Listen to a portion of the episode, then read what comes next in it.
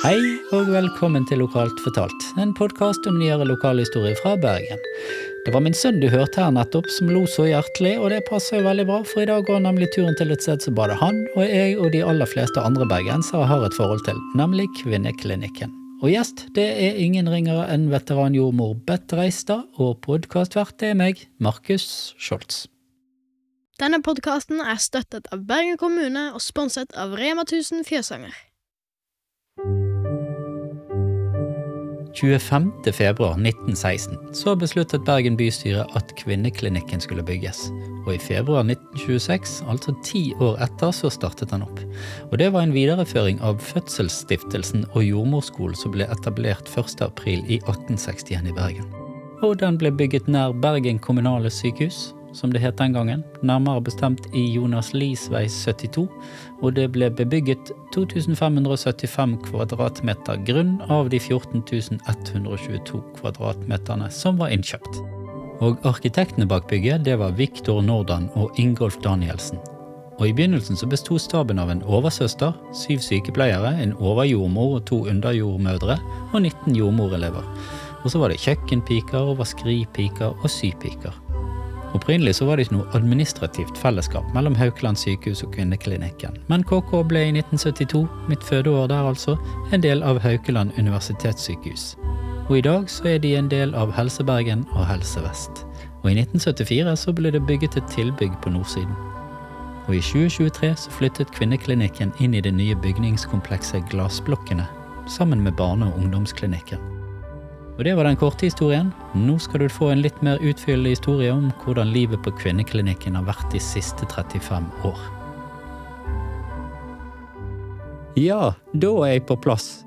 På, ikke akkurat på kvinneklinikken, men på Haukeland sykehus, i kjelleren på kommunikasjonsavdelingen. Og her har jeg fått lov å komme på besøk og få lov å snakke med jordmor og rådgiver ved kvinneklinikken, Bett Reistad. Hei sann! Hei. Det var veldig kjekt å få, få innpass her, holdt jeg på å si. Jeg var, jeg var i kontakt med Synnøve på kommunikasjonsavdelingen, og hun ordnet og rigget og fant For å si fant den beste på, som jeg kan snakke med. For du er rett og slett jordmor og rådgiver ved Kvinneklinikken. Ja, det stemmer. Ja, og det har du vært lenge. Det skal jeg komme inn på, for jeg har jo snakket litt på forhånd. Men jeg har bare lyst til å høre sånn Hoppe rett i det med jordmor, det er litt sånn for meg litt sånn oi, hvordan blir man det? Men sånn jeg skjønner, så var du utdannet ved Betanien, stemmer det? Ja, det stemmer. Jeg var utdannet ved Betanien, og det er 40 år siden. Oi sann. Gratulerer, Jo. Ja. 40 år siden, ja. Ja, så det var, fra, det var i tre år, det. Den Tre år. utdanningen. Sykepleier først. Først sykepleier, og så måtte man jobbe litt imellom, og ja. så før man kunne komme inn på jordmorskolen. Ok, ja. Men var Betanien, var den i Jeg har nemlig lagt på Betanien som barn. Var den nede i eh, Var skolen nede i Kalfaret, den òg? Nei, skolen den var flyttet ut i Fyllingsdalen, Okay. men all praksisen vår hadde vi enten på Haukeland eller på Hagervik, med masse på Betanien nede i Kalfaret. Ok, ja. Blant annet på fødeavdelingen, den var der nede. Å ja, det var det, ja. Ja. For, altså for hele Bergen? Nei, ja, nei, eh, den fødeavdelingen eh, som hørte til Betanien, Ja, den var riktig. ikke lagt ned da i begynnelsen av 80-tallet når jeg gikk på sykepleierskolen, så da hadde vi praksis på, på den avdelingen. Å ja, ok. Ja. ja, jeg så at midt i, mens du gikk på utdanningen der, så eh, fikk han status som høyskole, skjønte jeg. Før Ja. det så var han ikke det. Så du var midt i det kullet der, du da. Og da fikk studentene de samme godene som andre høyskolestudenter, så det var jo kjekt, da. Og så gikk du altså på Jordmorhøgskolen i 87, stemmer det? Det stemmer. Ja, jeg har søkt bra på Google jeg nå og funnet dette. Og eh, jordmorutdanning, det er en spesialisering, det da skjønner jeg. Ja, det er en spesialisering. Ja, først fra sykepleier, og så praksis, og så må du Så det blir en slags master, da, hvis det hadde vært i dag? Eller er det i I dag, dag- master? Ja, i dag er det blitt en master. Det er bachelor i sykepleie, og så er det master i jordmorfag. Så de har to år uh, utdanning, uh, mens vi hadde uh, Det ble en høyskole for oss, da. Videre, En videreutdanning. Og da hadde vi ett år på skolen, og så hadde vi ett år i turnustjeneste. Akkurat. Turnustjeneste. Hadde du den i Bergen, eller? Nei, det var ikke så heldig. Nei, sant. Du måtte flytte litt litt på deg. ja, jeg var på Stord. Å ja. Ja, men det er fint på Stord òg. Veldig fint. Fine barn som kommer der òg. Jeg ville faktisk bli jordmor sjøl, etter Men det kan jeg komme litt tilbake til litt seinere. En liten cliffhanger. Men eh, ja, så har du jobbet og stått i etter det 40 år, ja. Men hvor lenge Hvordan kom du til kvinneklinikken på Haukeland, da? Ja, ehm, jeg begynte Jeg var jo bosatt i Bergen, så når jeg da skulle ha jobb etter turnustjenesten, så søkte jeg på Haukeland. Så jeg ble ansatt og begynte 1. februar i 89, så nå har jeg akkurat rundet 35 år, Oh. faktisk. Så jeg har hatt hele min voksne, eller min ferdige jordmorkarriere, da, eh, her på Kvinneklinikken. Ja, jøss. Ansiennitet, ja. Var, var det et kall å bli jordmor? Eller var det tilfeldig? Uh, Nei, jeg vet ikke Kanskje hva jeg skal vanskelig Ja, kanskje ikke noe kall, men eh, i hvert fall en veldig sånn dragning mot et fagområde som jeg syns hørtes veldig fint ut. Ja. Det sånn, går det i arv, dette med å bli jordmor? Det går i arv, tror jeg, for veldig mange faktisk av mine kolleger har også mødre som har jobbet enten på kvinneklinikken som barnepleiere eller som jordmødre. Ja, sant. Ja, for jeg har en litt, jeg skal komme litt tilbake til det òg seinere. Det derfor jeg ville spørre deg òg om, for det kommer, kommer litt inn på det der med at kanskje det går i arv. Men du er fremdeles jordmor og rådgiver den dag i dag, og er ved den nye kvinneklinikken da på Ja. Jeg, eh, nå jobber jeg i Glassblokkene, Ja.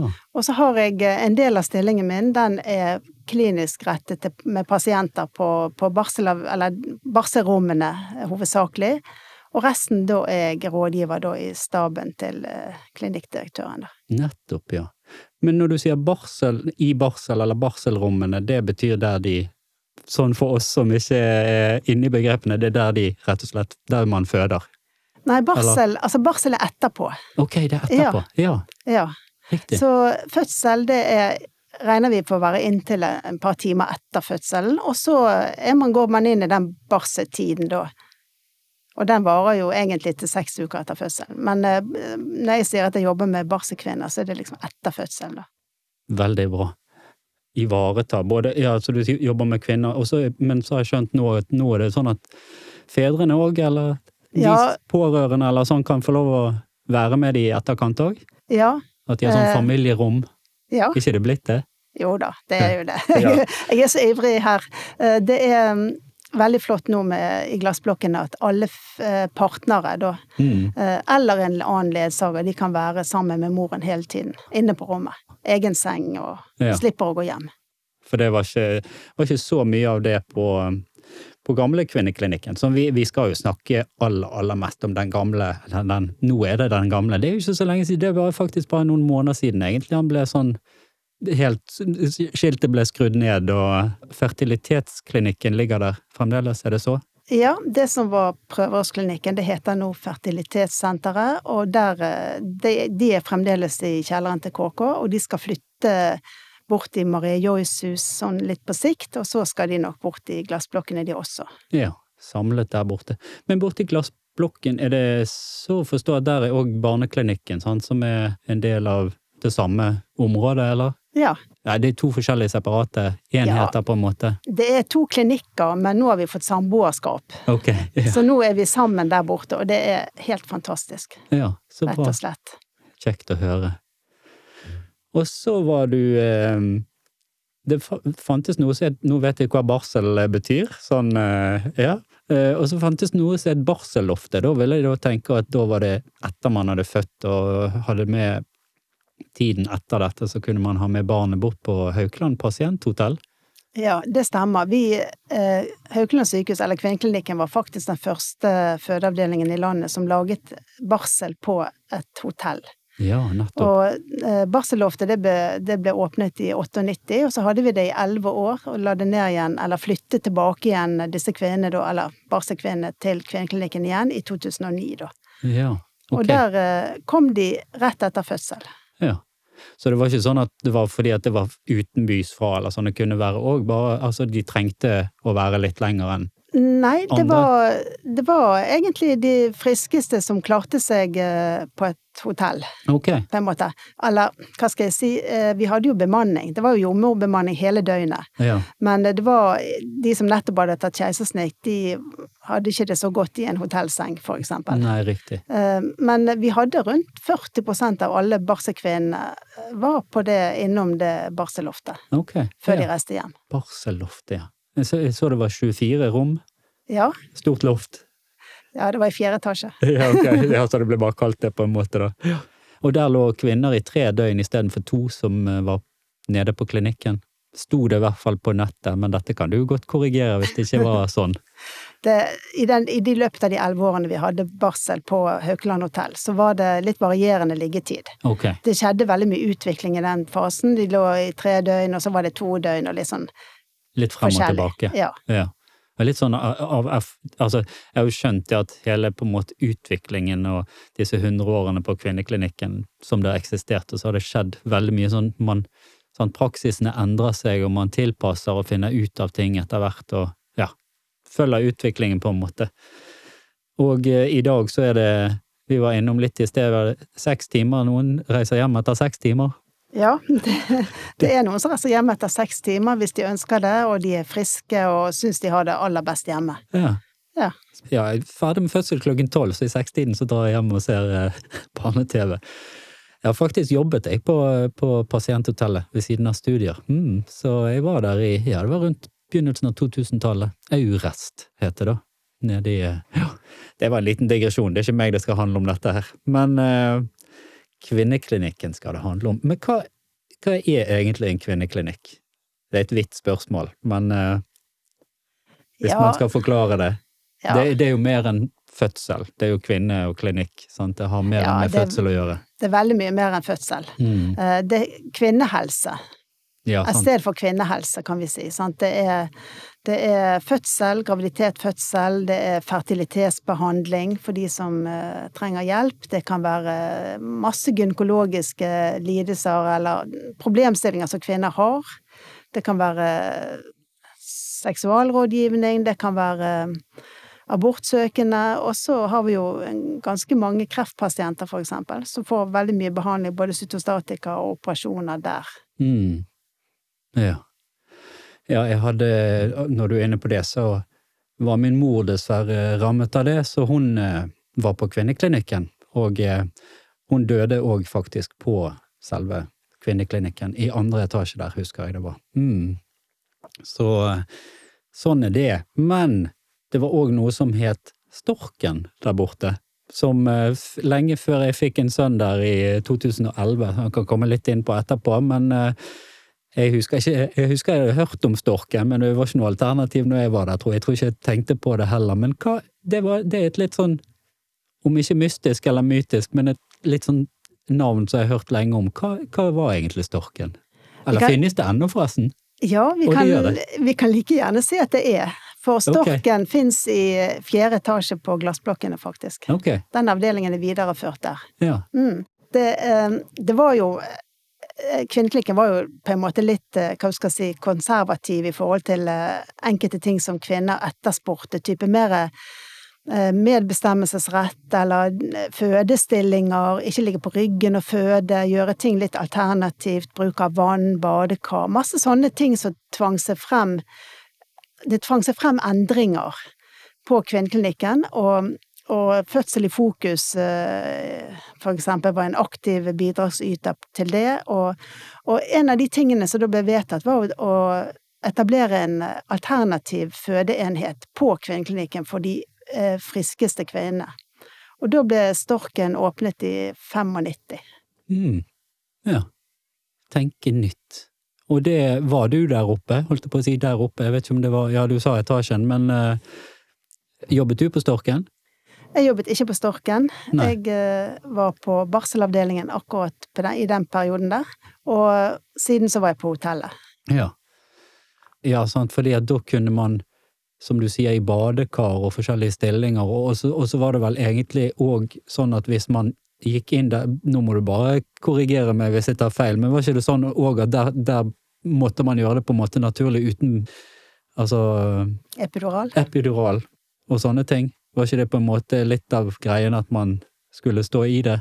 Jo, altså, stå i det og stå i det, men, men eh, Du må unnskylde meg hvis jeg sier litt sånn rare eh, ting, men eh, det, var, det var en avdeling der ja, man, prøv, man prøvde å bruke annen type smertelindring enn epidural. Så de som trengte epidural, de flyttet ned til en annen avdeling. Ja. En annen post, da. For vi hadde jo, vi har jo hatt På slutten, før vi flyttet, så hadde vi tre fødebarselavdelinger. Okay. Der storken var den ene. De brukte mye eh, akupunktur og vann... Ja. Mye andre alternativer for å komme i mål i fødsel. På kvinnens premisser. Ja, ja. Og det er videreført det samme på en måte nå at man Ja. Eh, nå er det sånn at dersom en kvinne trenger epidural, så flyttes hun ikke ut av storken. Da blir okay. hun værende der og får epiduralen der, da. Ja. Ja, det er egentlig nytt nå fra vi flyttet bort. Okay. Det er et overordnet prinsipp i glassblokken at vi ikke flytter på pasientene mer enn vi trenger. Men det, da er det jo litt sånn, da er man inne på litt sånn prøve ut nye ting, sant, og ser at det er behov, og er det, er det noe på en måte sånn filosofi bak de forskjellige fødeklinikkene, eller klinikkene rundt om i landet? Altså har kvinneklinikken i Bergen hatt en egen på en måte en praksis eller en filosofi, en sånn overordnet tanke om hvordan man gjør ting, sant? Det har vært litt diskusjoner om at noen føler at man er konservativ ett sted og veldig åpen og sånn nytenkende et annet sted og sånn, sant. Noen velger kanskje, hva vet jeg, om man velger hvor man drar når man skal føde, hvis man kan det da, men sånn i landet, jeg vet ikke, har det vært noen tanke, sånn filosofi på kvinneklinikken som er på en måte litt sånn, sånn som storken, som kanskje var en ny måte å tenke på? Om det har vært en overordnet filosofi eh, Ja, kanskje, men i alle fall så har kvinneklinikken vært langt fremme i skoene på mange ting. Mm. Um, de er jo kanskje litt kjent for å være litt konservative på noe. For eksempel så er jo det mer eller mindre eneste avdeling i landet som fremdeles bruker tang i forbindelse med fødsel. Ah, Og har beholdt kunnskapen om, eller kompetansen på det. Ok. Eh, Men for eksempel innenfor eh, barselomsorgen, det som skjer etter fødsel, så har kvinneklinikken vært ganske langt fremme i skoene for å tenke eh, alternative, altså ha en jordmor hjem-funksjon, eller ja, gjøre ting på en litt annen måte, da. Ja. Eh, Vebjørn, Ja? er du klar for vinterferieutflukt? Ja, gjett om. Ok, vi må komme oss av gårde, for det er en hel del vi må rekke på veien. Vi må fylle bensin og lade hybriden og bytte gassflasken til pizzaovnen, sende gaven til Sørum-folket, kjøpe blomster til mormor og morfar, og sist, men ikke minst, handle kjøretur-snacks. Ja, men alt dette får jo vi gjort i en fei på Rema 1000 fjøsanger. Å, ja, ja, det har du faktisk helt rett i. Snakk om Kinderegg, pluss, pluss. Og ikke nok med det, siden det alltid er en ledig kasse der, så slipper vi å tenke på å stå i kø. Helmakspapsen.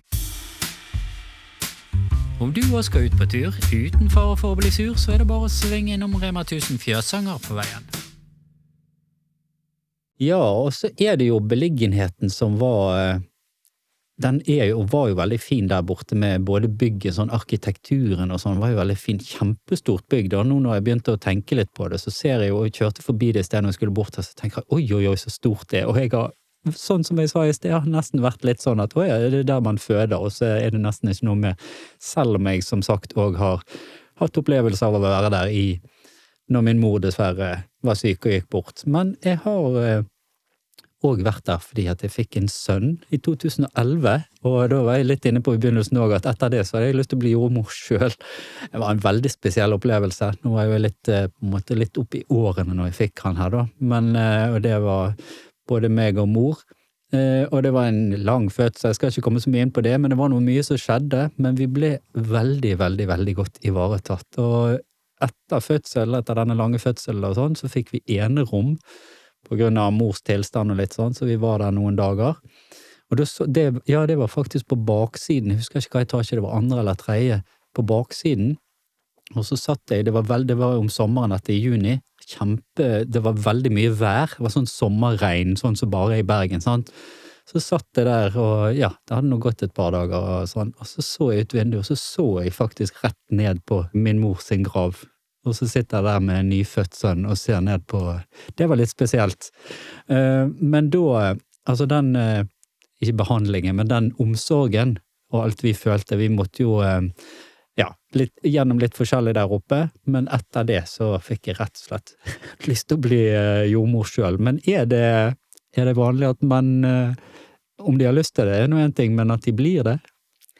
Det er ikke så veldig vanlig. Nei, sant? Mm, Men vi har, eh, vi har noen menn, da.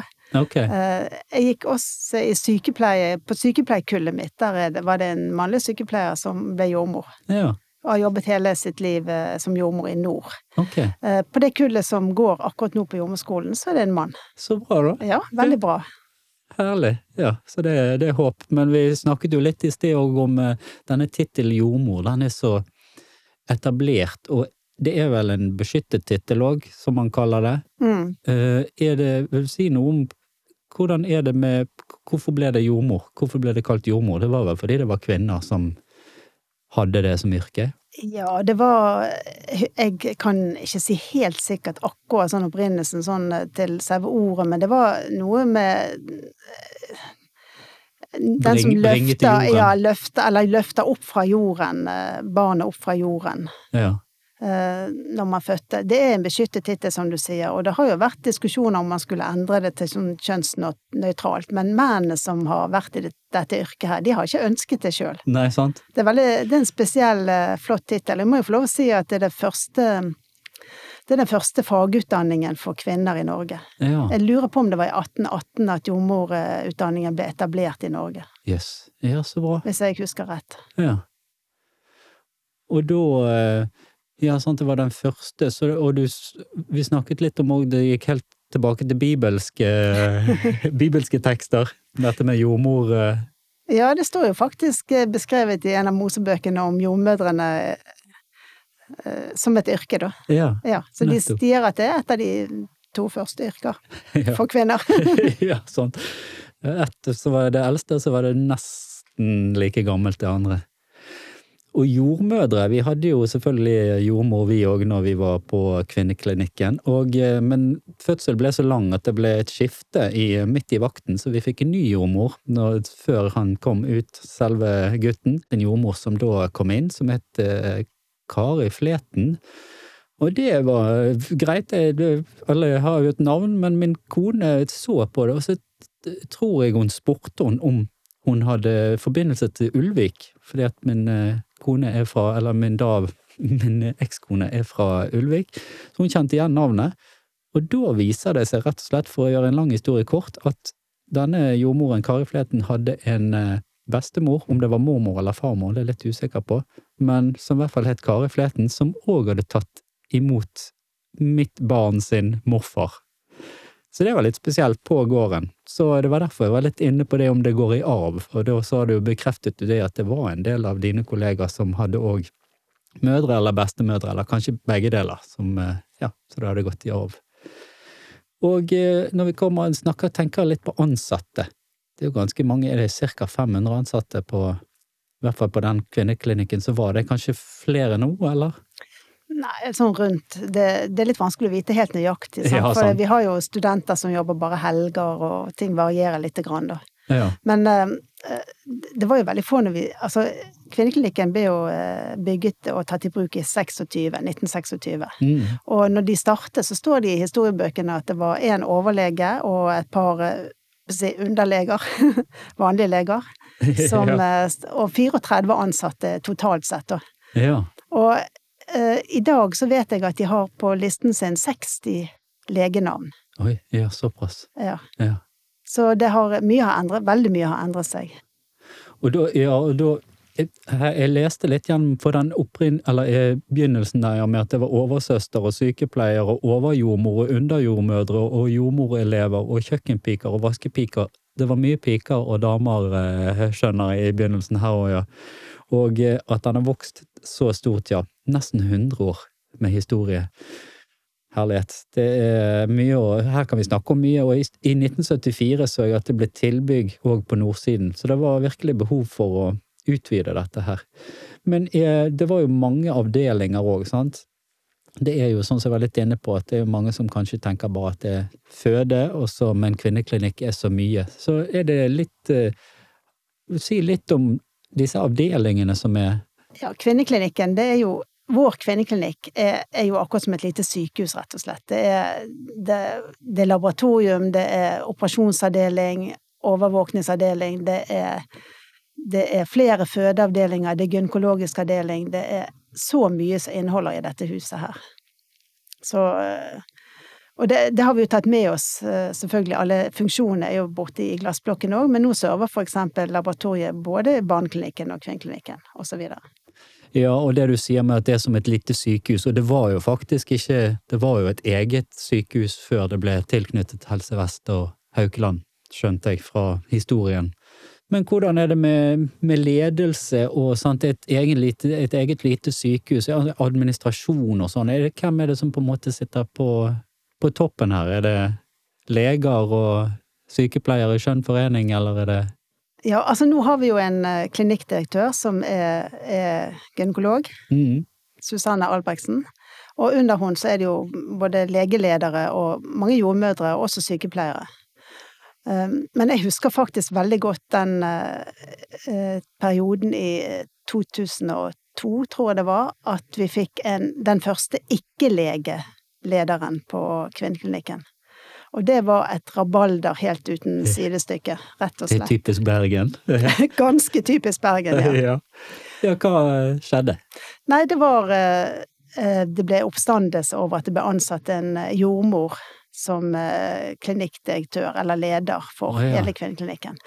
Og eh, det var veldig mye i media om det. Um, mange engasjerte seg. Det var også mye intern eh, uro da om dette her. Det var jo en som skrev at det var en Altså at Haukeland sykehus måtte være en hjernedød organisme som kunne gjøre dette her, og, og Oi sann. for det er jo kun én som er kompetent til å lede virksomheten.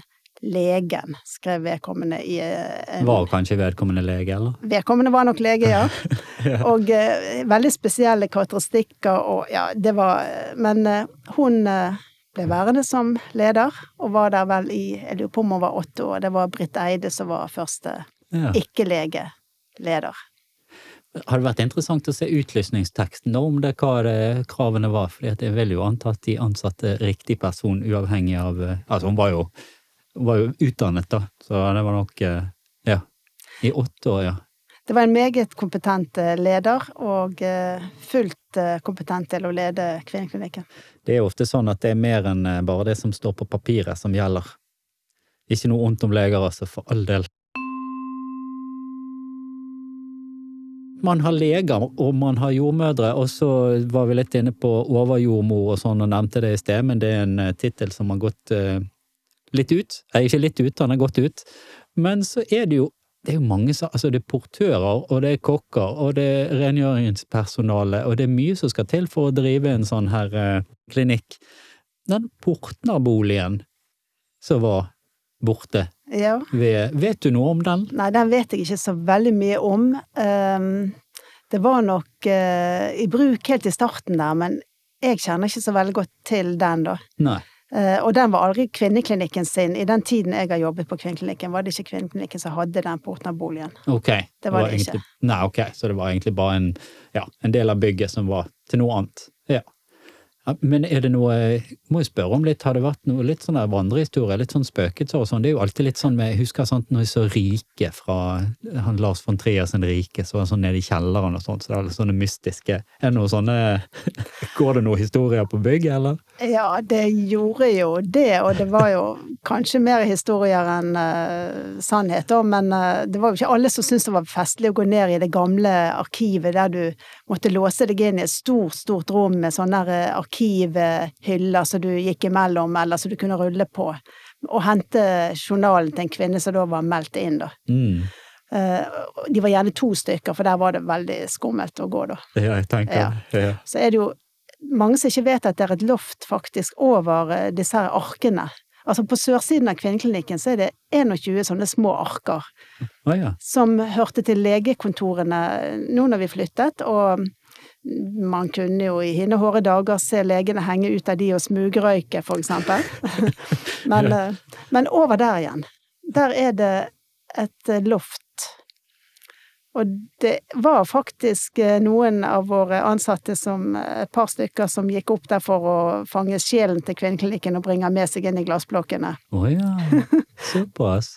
Men det er en, et sånt skikkelig gammelt treloft over der. Ja.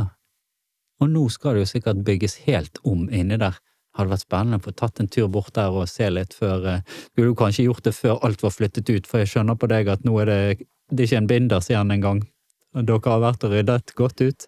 Ja, det, det er møbler igjen som ikke vi skulle ha med oss, Å, ja. men, men alle ting og tang er vekke. Ja. Så det er ikke Ja. Og det skal bli Vet du hva det skal Altså, det skal jo bli Årstadhuset, og det er litt av hvert det skal bli, men det blir på en måte helt utenfor. Det har no, dere har ikke noe med det lenger å gjøre, eller? Nei, det skal bli eh, psykiatri og rus, hvis Ja, jeg forstår det. Så det er Helse Bergen sitt bygg, men eh, nå det brukes til noe annet. Ja.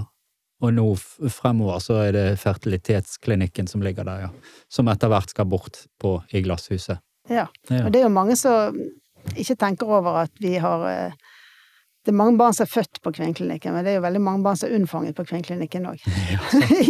Ja. Ja. Ja. apropos det, det var snakk om noe at dere eh, hadde noe spesial eh, til Altså, man bruker jo diverse apropos det, sant, er gynekologi og det er litt av Heter det gynekologi? Ja, Ja. det heter det. Ja, der var jeg heldig. Eh, litt av hvert om man har apparater og litt sånn, så hørte jeg noen rykter om at det var Brukte noe litt sånn, hva skal man si, uortodokse metoder for å bruke Vil du fortelle litt om eh, det?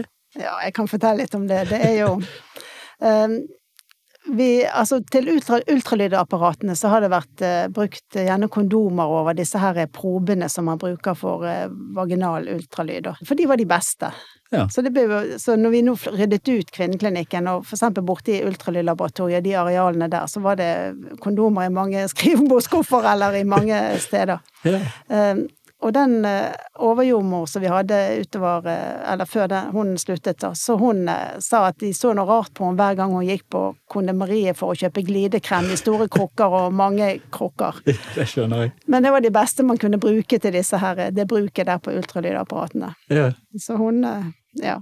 Så, det, så, i, så i dag har, har, har man på en måte en sånn innkjøpsavtale med kondomeriet da, på Haukeland sykehus? Jeg tror ikke det har bestått.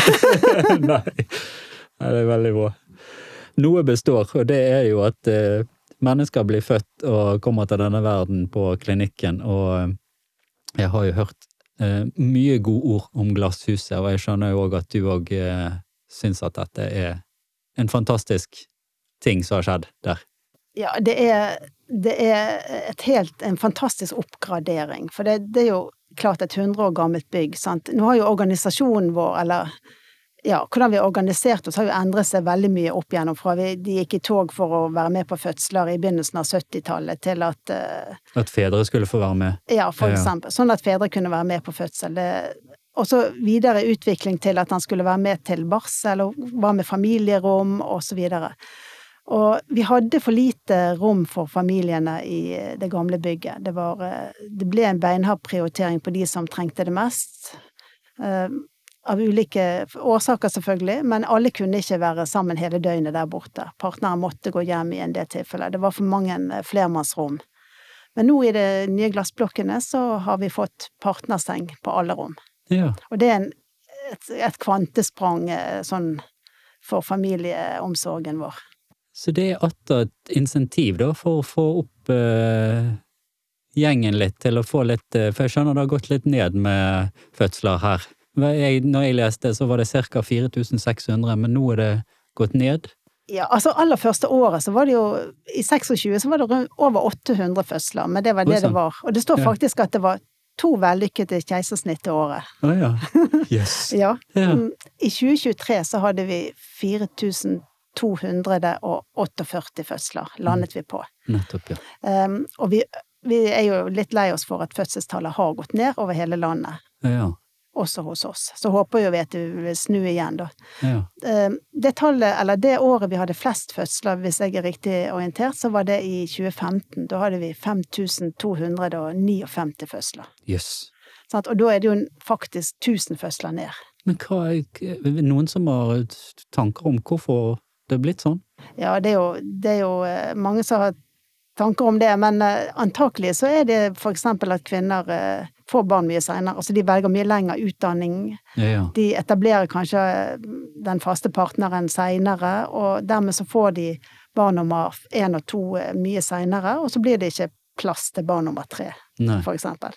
Ja, jeg er skyldig. Beklager. Sånn ble det. Jeg er en av de. Selv om jeg ikke er kvinne som fikk barn, så var jeg nå i hvert fall eh, Ja. Eh, Men merket dere noe i pandemi eh, før, ikke før, men etter pandemien? Nå er det jo ikke så mange år siden, så du ser kanskje ikke helt klart ennå tendensen der, men eh, ble det noe Er det noe å si om det? Ja, det var et lite sprang opp eh, rett etter pandemien. Okay. Det var vel på landsbasis. Ja. Og så har det, går det Falt falt litt ned igjen. Ja, vi håper jo at det stabiliserer seg etter hvert, men det gjenstår å se, da. Ja. Vi håper at kvinner vil starte kanskje litt tidligere for barn. ja. Og så ikke være så redd for å, for, å, å få lyst til å besøke den der glassblokken, der man uh, får en ekstra god behandling. Sant? Det må jo òg være en uh, liten gulrot, kanskje. Nei da, Mm. nå er jeg flåsete, det er tull. Men uh, det er jo veldig kjekt at, at dere er kommet i hus, da. Selv om det, disse 100 år, nesten 100 årene med historie der borte er jo òg veldig bra at det har utviklet seg i den retningen. Er det noe Jeg føler vi kunne sittet her i flere dager. Jeg fikk jo en sånn kjempefin bok å se i her i sted, og, og sånn Det er jo 100 år med historie, så vi kunne jo sittet i mange timer. Men er det noe spesielt du har lyst til å trekke frem? Altså, det er jo masse Hele, hele organisasjonen og bygget Kvinneklinikken har jo endret seg veldig i løpet av 100 år, selvfølgelig. Fra, fra Det var vi som eide barna, og vi eide fødselen til Og vi eide ja, det kirurgiske også, sant. Det var vi som bestemte det meste. Og så til at kvinnene sjøl Selvbestemmelsesretten til pasienten er jo styrket enormt. Så ting har jo forandret seg veldig i løpet av den tiden. Og så har vi opplevd veldig masse morsomme ting, og de aller fleste tingene de er litt pasientrettet, og kanskje litt um, å oute noen ansatte, så det er veldig mye som, av de morsomme tingene jeg ikke kan fortelle. Mm. Men jeg hadde veldig lyst til å fortelle én ting, da. Ok, ja. Eh, Vi hadde eh, før, før en av ombyggingene så hadde vi hovedfødeavdelingen da på, nede i første etasje. På høyre side når man får foajeen der. Og der var det et sånt rom på baksiden som vi kalte for placenterrom Placenta, det er morkake. Og der undersøkte vi morkaken etterpå, og, og veide og målte og sånn, som man gjør fremdeles, da. Eh, og der var det en gang en jordmor som eh, Der sto Det var varmt, og, og sånn som du sier, det, det var sommer, og, og vinduet sto åpent ut mot uh, kirkegården på andre på, på baksiden der. Og hun skulle Denne jordmoren kom med denne morkaken på et sånt lite fat og skulle veie det. Så hun var litt rask i snuen, da. Så hun slengte den litt sånn kjapt på vekten, denne morkaken, og den splæsjet ut vinduet. Og dessverre rett i hodet på vaktmesteren. Er Skjønte han hva det var? Nei, jeg tror han skjønte det etter hvert. Men vi har jo utallige eh, ellers morsomme historier. eh. Det er klart det skjer, skjer mye, altså. Ja. 4000-5000 fødsler i året, og hver dag, dag ut og dag inn, og selv Nå var jo jeg der noen dager, da. Uh, og og den, den opplevelsen av så mye som skjer i løpet av Altså, det kommer et nytt liv plutselig ute i verden, og så mye som skjer hver eneste dag, så er det klart at det er mange, mange historier det huset der rommer, og mange skjebner og mange sant? Liv og død, i, ikke i skjønn forening, men i forening i samme hus, sant, og som du er inne på, sant? det er gravplassen utenfor, og så er det fødestuen rett nedenfor. Det er, det er litt spesielt, men det er jo sånn livet er, da. Spesielt. Apropos livet, du eh, Jeg ser og hører på hele deg at du elsker uh, yrket ditt, og eh, at det på en måte kanskje mer hel, hele deg er på en måte jordmor sånn hele deg. Dette er noe du skal fortsette å holde på med i mange lenge til, og jobbe med? Ja, lenge til og lenge til. Nå er jeg jo godt over 60, da, for å si det sånn. Så det blir ikke sånn lenge til, da. Nei. Men jeg har ikke noen sånn umiddelbar planer om å gi meg, nei. Nei, sant? Jeg, eh, jeg, liker, jeg er veldig glad i jobben min, jeg er veldig glad i kvinneklinikken, både organisasjonen Selvfølgelig huset her var jo morsomt å jobbe i, Mm. eh, men organisasjonen Kvinneklinikken jeg er veldig glad i kollegaene mine og den jobben jeg har. Og det er veldig, veldig flott å være jordmor eh, på mange måter. Og så er det utfordrende, og så er det sårbare kvinner vi møter, men også kvinnehelse i det hele tatt. Det er veldig flott å være med og Mm. bidra inn i det, syns jeg, da. Ja. Det er et stikkord og Eller et, et ord som dekker veldig mye, det er kvinnehelse. sant? Ja. Mm. Så bra. Tusen hjertelig takk for praten. Jeg føler jeg har på en måte fått eh, komme inn, virkelig inn i en, eh, i en stor, stor verden som jeg gjerne skulle snakket mye mer om. Men eh, det er i hvert fall en begynnelse. Og jeg håper at eh, alle andre òg syns at dette var spennende, fordi at eh, de aller, aller fleste rundt i denne byen og i andre byer har et eller annet forhold til eh, kvinneklinikken. Om de er født der sjøl. Jeg er født der sjøl, i 72, og som sagt har vært der innom her noen ganger òg, og det har nok alle andre òg, så ja. Tusen takk for praten, Bett, og så eh, lykke til videre i Glasshuset. Tusen takk.